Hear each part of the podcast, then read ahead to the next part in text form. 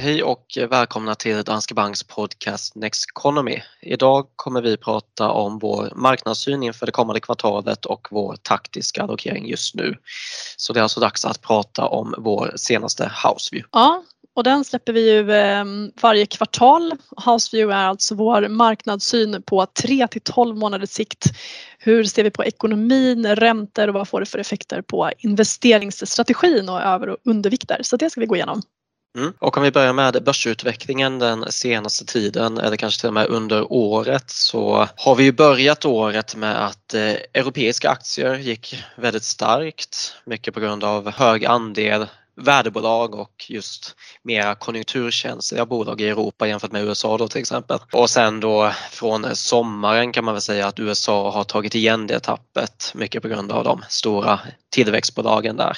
Men eh, nu står vi alltså på ungefär samma avkastning runt en 20% för både USA och Europa. Då. Mm.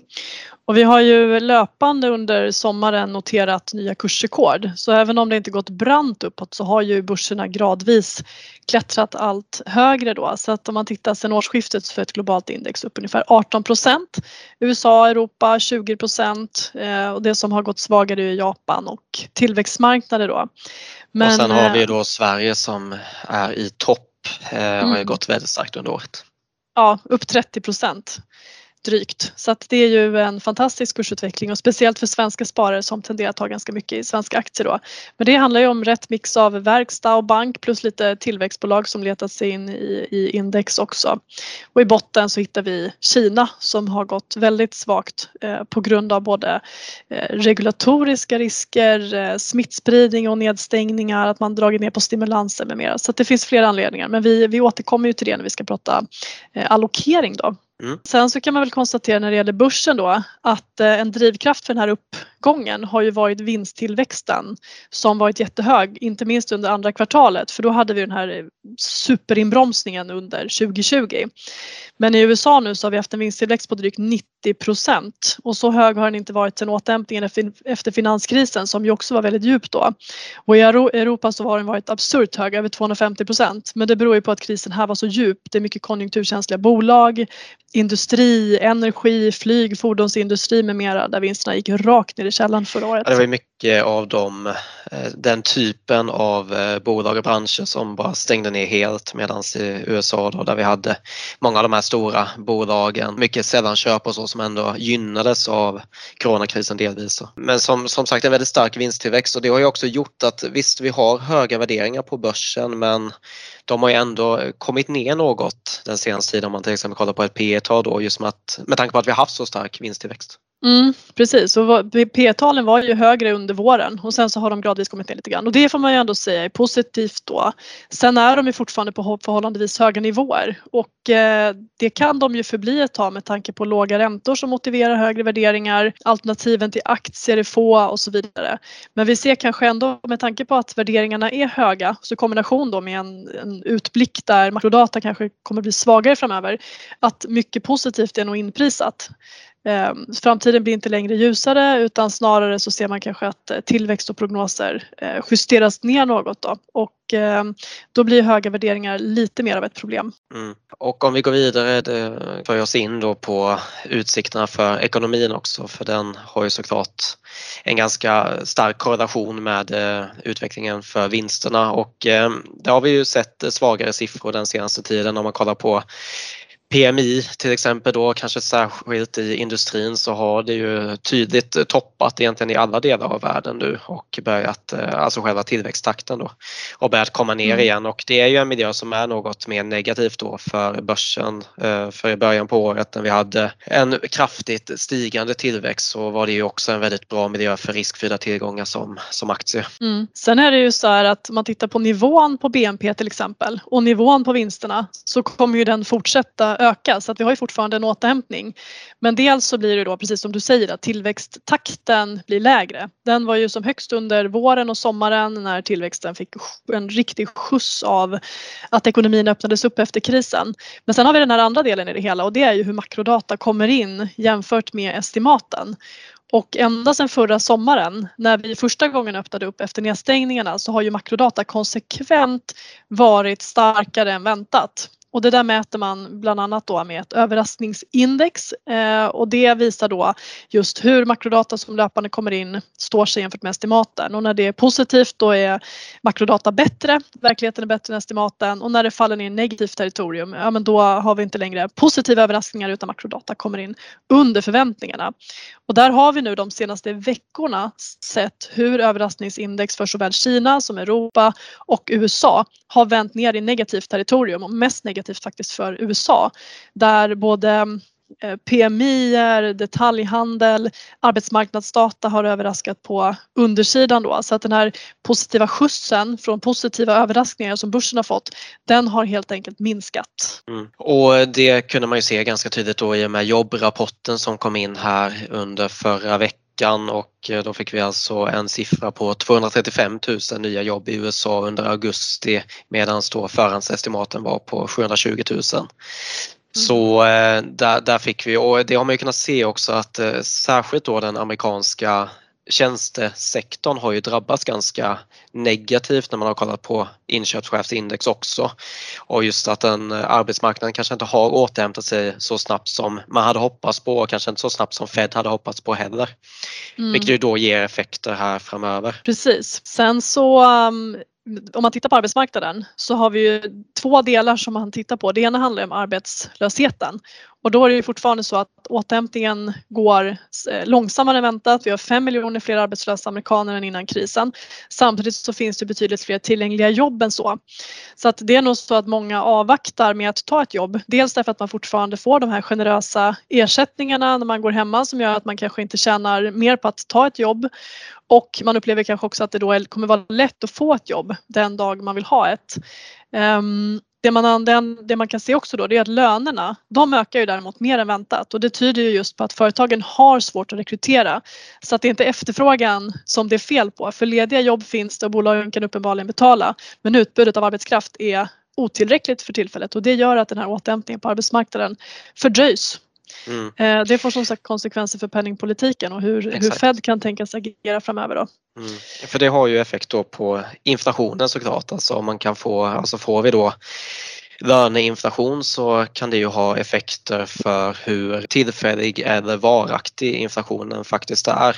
Och eh, det här är något som Fed har varit ute och eh, pratat och eh, gjort klart för marknaden då att det här är bara en övergående inflation som beror mycket på att man helt enkelt har startat upp ekonomin från från noll och det gör ju att efterfrågan har ökat kraftigt på många insatsvaror på kort tid. Eh, men, mm. men sen då så alltså får vi den här typen av siffror där arbetsmarknaden inte kommer ikapp lika snabbt som man hoppas på. Och sen då att vi får löneinflation då kan det ju påverka eh, Feds förmåga att eh, dra tillbaka de här stödköpen. Och eh, Fed tittar ju som sagt på inflationen och på arbetslösheten. Och vi har ju haft som huvudscenario då att Fed kommer ge mer detaljer kring tapering vid mötet som man har i slutet av september nu och sen att man ska börja trappa ner stödköpen kring årsskiftet. Sen får man väl ändå säga så här att fredagens eh, svaga jobbrapport i USA har ju på marginalen sannolikt minskat eh, den eh, sannolikheten att Fed ska rulla ut en plan för tapering redan i september så att kanske är det så att det dröjer lite längre. Och på det, med det kan man också förklara den här milda börsreaktionen som blev för att normalt sett så ska ju liksom en svagare återhämtning, svagare utsikter eh, vara negativt för börsen men det var det inte utan reaktionen på aktiemarknaden var ganska mild. Det hände inte så mycket. Och det handlar ju om att dåliga nyheter, det vill säga svag arbetsmarknadsdata, det förvandlas till positiva nyheter därför att det ökar chansen att stimulanserna består. Och börsen älskar stimulanser. Låga räntor och fortsatta stödköp, eh, det är positivt och därför så får inte det här några effekter på börsen i närtid i alla fall. Sen är det klart att i takt med att vi fortsätter troligtvis få makrodata som kanske kommer in lite svagare, vi har den här kombinationen med höga värderingar, en vinsttillväxt i bolagen som också har toppat så tror vi att vi kommer få en mer dämpad börsutveckling framåt. Men styrande för vad som händer under hösten det är ju fortfarande i mångt och mycket coronaviruset och särskilt då deltavarianten. För trots att vaccinationsprocessen nu har kommit långt, exempelvis i EU där 70 nu är vaccinerade, så sprids ju deltavarianten ändå. Det positiva för europeisk del det är att vi kommit så pass långt så att de som läggs in på sjukhus är ju färre och det är inte primärt riskgrupper utan det är ju de som är ovaccinerade i hög utsträckning. Men vaccinationsprocessen fortsätter globalt. Det finns vissa problem eh, som långsam utrullning i tillväxtmarknader och Japan till exempel. Vaccinmotstånd eh, i delar av världen, till exempel i vissa delstater i USA. Eller rent av eh, ett ointresse att man inte är tillräckligt motiverad därför att man inte tillhör eh, någon riskgrupp då. Sen så har ju målet hela tiden varit att vi ska uppnå någon slags flockimmunitet. Det är ju det som pratas väldigt mycket om. Hur många måste vi vaccinera för att få flockimmunitet? Men med tanke på att deltavarianten ser ut att gå att bära på även om du är fullvaccinerad så kommer den här kunna spridas av fullt friska vaccinerade människor och därmed så kan det vara väldigt svårt eller i värsta fall omöjligt att uppnå den här flockimmuniteten. Mm. Så att nu har man också börjat prata om en eh, boosterspruta Precis, och för vi har ju kunnat se det i, eh, om man kollar på Israel till exempel då, så var de ju väldigt snabba med att rulla ut vaccinen och få de första sprutorna. Och om man kollar på den kurvan, takten med att vaccinet rullades ut gjorde ju att smittspridningen den sjönk ju markant. Men nu kan man ändå börja se att nu har ju smittspridningen ökat väldigt eh, kraftigt i Israel. Så då ser ju inte ut att vara så särskilt effektivt längre då mot eh, deltavarianten vilket också då ställer frågan om det kanske är så att vi kommer få någon typ av ny våg där vi återigen måste börja rulla ut vaccinen globalt. Och mm. nästa då är ju egentligen USA som var väldigt snabba och Storbritannien också. Där, där det kanske börjar avta också så då måste vi få igång den här maskinen med att rulla ut vaccinen.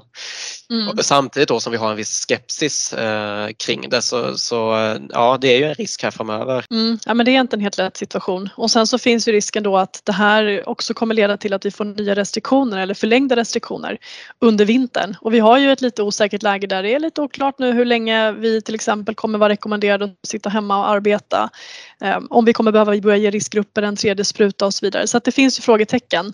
Men jag skulle väl ändå säga att skulle vi få nya restriktioner under vintern så bedömer ju vi ändå att tillväxten kan hålla uppe relativt väl ändå. Och det såg vi redan under vintern som gick att företag och konsumenter har ju i hög grad anpassat sig till livet med pandemin, med restriktioner. Man hittar nya vägar att göra saker och konsumera men sen är det klart att det kommer slå hårt återigen mot vissa typer av branscher. Och sen så tror vi också att skulle det bli ett tuffare läge i vinter än vad vi kanske hoppats på så kan det vara negativt för risksentimentet. Det kan öka volatiliteten på marknaderna om tillväxtutsikterna eh, försämras eller blir mer oklara framåt. Mm. Och sen så kommer det ju fortsätta slå då mot eh, tjänstesektorn. Eh, för det har vi varit inne på tidigare också att många av jobben där i USA, alltså inom industrin är ju återhämtade men det är just tjänstesektorn som där man fortfarande saknar en hel del jobb. Och får man de här bakslagen då med eh, smittspridningen och att människor ändrar sina beteenden, de är inte lika intresserade av att kanske gå ut som man hade hoppats och de kanske inte heller är lika måna om att gå tillbaka till jobben inom den typen av tjänstyrken så, så blir det ju eh, svårare för tillväxten där framöver också. Mm, absolut. Eh, och då kommer vi någonstans till den här frågan just att vi har det här något lägre tillväxt eh, och eh, samtidigt då pratas det om tapering och den där kombinationen har ju inte varit så positiv förr utan det har ju kunnat leda till någonting som man skulle kunna kalla för taper tantrum då. Alltså att marknaden reagerar starkt på just den där kombinationen. Det här är ju någonting som Fed nog verkligen eh, vill undvika. Man vill inte skapa någon slags panikreaktion på marknaden. Man vill inte eh, få kraftigt stigande räntor eftersom det kan bli problem för bolag, eh, för konsumenter att betala sina räntor på bolån och så vidare. Så att man vill inte göra någonting som får, får räntorna att skjuta höjden eh, och på så sätt eh, bromsa den här återhämtningen ytterligare. Men sen så tror jag att man är ju lite grann vis av det som har hänt historiskt och jag tror att man hellre väntar lite längre Eh, och avvakta lite än trampa på för fort på den här bromspedalen om det råder osäkerhet kring pandemin, kring återhämtningen, kring nya nedstängningar och vad vi behöver göra på vaccinationsfronten. Bra, då har vi gått igenom lite eh, börsläge, lite eh, ekonomi och penningpolitik och risker här framöver. Då ska vi gå över på vår taktiska allokering just nu. Och det man kan säga är att under våren så valde vi att justera inom aktier för att ta upp risken. Så istället för att öka aktierisken så tog vi istället upp då Europa till exempel och även inom sektorer så ökade vi risken och nu gör vi nästan tvärtom då. Vi behåller aktieövervikten på 5% men vi sänker risken på regions och sektornivå istället. Mm. Vi kan ju återkomma lite till detaljerna men i grund och botten kan vi väl säga så här att vi ser ju fortfarande att vi har en miljö som är stöttande för aktier i och med att vi har låga räntor, ont om alternativ. Även om tillväxten slår av på takten så väntar vi oss ju fortfarande att den kommer vara god och vi har ju andra regioner som ligger längre bak i den här processen där tillväxten kommer toppas senare. Så att vi har ju som olika delar av ekonomin som har den här kraftigaste skjutsen vid olika tidpunkter. Och tittar man då på hur det ser ut med, med PMI, alltså inköpschefsindex, så är det ju så att så länge det är positivt, alltså över 50, så att vi har en positiv tillväxt i ekonomin, så är det bra för aktier. Det är ännu bättre när tillväxten gradvis blir högre än när den gradvis blir lägre men det är fortfarande positivt. Så att makrodata kommer ge minskat stöd men fortfarande visst stöd då. Men det som blir konsekvensen är ju att vi tror ju att den här kraftiga börsuppgången den sjunger på slutversen nu och de kommande 12 månaderna så har vi en avkastningsprognos i spannet 0 till 5 procent. Det är förhållandevis lågt. Samtidigt så måste det sättas i relation till obligationer Eh, och räntan på statsobligationer idag den ligger kring noll. Sen så väntas dessutom räntorna stiga något. Vi har inte samma prognos med, med, med betydligt högre räntor eh, som tidigare men vi tror fortfarande att räntorna kommer att klättra något uppåt och det är ju negativt för obligationspriserna. Så att på eh, den övergripande allokeringen så behåller vi en, en övervikt på 5% vilket är minsta övervikt vi kan ha i våra strategier. Men sen så gör vi vissa förändringar på regions och eh, sektornivå som gör att mm. risken i portföljen totalt sett ändå blir lägre. Ja precis och eh, om man då går in på regionsnivå då så har vi valt att eh, ta upp USA till övervikt och vi har valt att då ta ner tillväxtmarknader till undervikt och det är ju någon typ av relativspel där då. Eh, ska vi vikta upp någonting så måste vi vikta ner något annat och i en miljö där vi har lite mer risker framför oss så är USA en bra marknad att vara överviktad medan tillväxtmarknader, dels så har vi ganska mycket problem där som vi var inne på med eh, delta-varianten och sen är det ju också en mer riskfylld region vilket ju också gör att i en miljö där. Vi ser mer risker framför oss så är det ganska rimligt då att man dra ner den vikten. Och när man tittar på den amerikanska marknaden så har ju aktiemarknaden en betydligt högre andel strukturell tillväxt i form av IT, sällanköp online till exempel än andra marknader och vi har också en högre andel kvalitetsbolag, så bolag med starka balansräkningar, eh, stabil hög eh, vinsttillväxt och mindre konjunkturberoende och det där är ju positivt just då när det finns osäkerhet kring tillväxtutsikterna. Sen så har vi ju sett också i USA då att stora finans och penningpolitiska stimulanser gett stöd åt återhämtningen. Sen framöver då så är det fortfarande så att Joe Biden har ju fler stimulanspaket i rockarmen som han kommer vilja försöka få igenom och förmodligen så kommer han lyckas med åtminstone en del av det. Skulle det bli problem med spridning av deltavarianten så ökar sannolikheten å andra sidan att eh, man faktiskt klubbar igenom en del av de här. Sen när man eh, tittar på den amerikanska marknaden också så kan man väl se att nedsidan är att värderingarna är höga eh, och att då om räntorna drar iväg mer än väntat så, så är det negativt. Men vi förväntar oss ju att den här ränteuppgången blir ganska Eh, begränsad. Och när det gäller de höga värderingarna då, så kan man ju motivera det med att vinsttillväxten och lönsamheten i amerikanska bolag är strukturellt högre i alla delar av konjunkturcykeln. Så att vi ser fortfarande att USA är en attraktiv marknad. Skulle vi få ökad osäkerhet kring konjunkturen så kommer placerarna söka sig till, till relativt sett tryggare marknader vilket då kan ge kapitalinflöden till USA och utflöden å andra sidan från tillväxtmarknader som har betydligt högre risk. Mm. Men om man kollar på eh, Skulle man kolla på P talen för olika regioner just nu då så, så är ju USA i topp medan då tillväxtmarknaden är i botten. Men då är det ju om man bara kollar på det absoluta P talet och inte tar hänsyn till vinsttillväxten, alltså den estimerade vinsttillväxten framöver och då blir det ju något annat. Och eh, så jag menar, då, då ser det ju inte lika dyrt ut i, i det perspektivet. Då. Eh, men eh, som sagt, undervikt i tillväxtmarknader känns rätt nu då givet de risker vi ser framför oss. Mm. Och här har vi ju mycket kopplat till utvecklingen i Kina och tittar man på PMI nu som kom in för augusti som vi precis har fått så ser man ju dels att Kina ligger ju inte bara på en lägre nivå än andra delar av världen utan i augusti så föll PMI ner under 50 vilket innebär alltså negativ tillväxt och inte bara att den är sjunkande. Och samma sak gällde faktiskt majoriteten av alla de sydostasiatiska ekonomierna då eh, där vi också såg hur tillväxten framförallt i industrin föll ner eh, i negativt territorium. Sen är ju så att Kina väger tungt i tillväxtmarknadsindex och förutom det här risken för fallande tillväxt så har vi också regleringar som är och förblir en risk. Vi har ju sett flera regleringar den senaste tiden av eh, spelbolag, utbildningsbolag med mera. Så att många av de här stora bolagen på kinesiska börsen har ju påverkats negativt och det här är ju negativt för risksentimentet också för att det ökar, eh, ja, men det ökar risken för att oväntade händelser som man inte kan styra över kommer få eh, konsekvenser för utvecklingen då för tillväxtmarknader generellt så är ju deltavarianten av viruset en större risk än för exempelvis Europa därför att vaccinationsgraden är så pass låg och det går, går rätt sakta att komma framåt. Och då hittar vi både Japan och tillväxtregionerna där. Ja, också om man då kollar på Kina så till exempel så har man den här nolltoleransen då vilket gör att man snabbt stänger ner om det är så att man får en ökad smittspridning vilket ju direkt då så mot eh, tillväxten. Exakt, så den där, den där kan ställa till det och inte bara för kinesiska bolag utan Kina och den kinesiska industrin är ju en drivkraft för övriga tillväxtmarknadsländer också. Så att det är negativt och man kan ju också se att det kan påverka eh, komponentbrist, eh, leveranser, frakter med mera och det är ju någonting som vi nästan dagligen läser om i tidningen är problem för europeiska och svenska bolag också då. Sen sist men inte minst så får vi kanske nämna dollarn också. Därför att får vi nu ett läge där eh, Fed börjar trappa ner på stödköpen så kan det resultera i dels att amerikanska räntor stiger lite men också att dollarn stärks och historiskt så har det varit negativt för tillväxtmarknader. Både när man tittar på aktiesidan och på Eh, tillväxtmarknadsobligationer.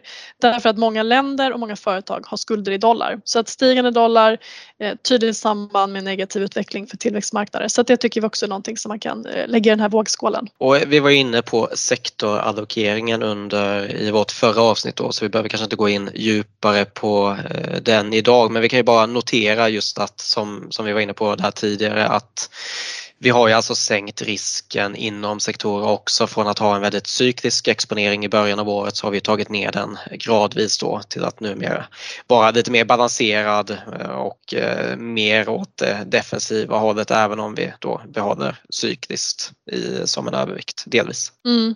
Och här kan man väl också se att det speglar delvis hur vi ser på regioner. För vi har ju fortfarande IT-sektorn till exempel på en övervikt och där har vi ju dels den här strukturella tillväxten men också en konjunkturdriven eh, tillväxt därför att vi ser att bolagen planerar att öka investeringarna och det handlar inte bara om att man investerar i en ny maskinpark idag utan det handlar lika mycket om att man investerar i IT-system. Så att den ser vi potential i, den väger tungt i USA. Sen så ser vi fortfarande också att det kan finnas uppsida kvar i finanssektorn just därför att vi fortfarande tror att räntorna kommer stiga något då. Och Europa har ju väldigt mycket banker på börsen så att det här är också en anledning till att vi fortfarande ser mer eh, värde på den europeiska aktiemarknaden då. Och sen så i kombination också med att Förra vintern så var Europa en hårt drabbad region vad gäller smittspridning och här har vi en hög villighet bland politiker att faktiskt stänga ner och införa hårda restriktioner så det var ju tufft för tillväxten. Men nu har vi en helt annan situation. När vaccinationsprocessen kommit långt här relativt andra regioner så är ju risken för hårda nedstängningar mindre så det är också positivt för Europa. Då. Så det är bättre fart i tillväxten här, högre vaccinationsgrad eh, och vi ser fortfarande värde i en del av de bolag och sektorer som väger tungt på den europeiska börsen. Så övervikt i Europa och USA och undervikt i tillväxtmarknader och Japan som det ser ut just nu. Mm. Med det så tycker jag faktiskt att vi ska ta och avrunda för idag. Eh, ni kan som vanligt ställa frågor i frågeformuläret i avsnittsbeskrivningen och eh, komma med förslag på ämnen som vi ska ta upp här framöver. Mm. Och eh, så får ni gärna gå in på nexteconomy.se. Det är vår nyhetssajt där ni bland annat hittar eh, marknadsnyheter, eh, investeringsstrategi, poddar och filmer om börs och ekonomi. Så att nexteconomy.se, där hittar ni allt ni behöver veta. Då hörs vi igen om två veckor så får ni ha det så bra tills dess. Mm. Tack för att ni har lyssnat och ha en fin vecka.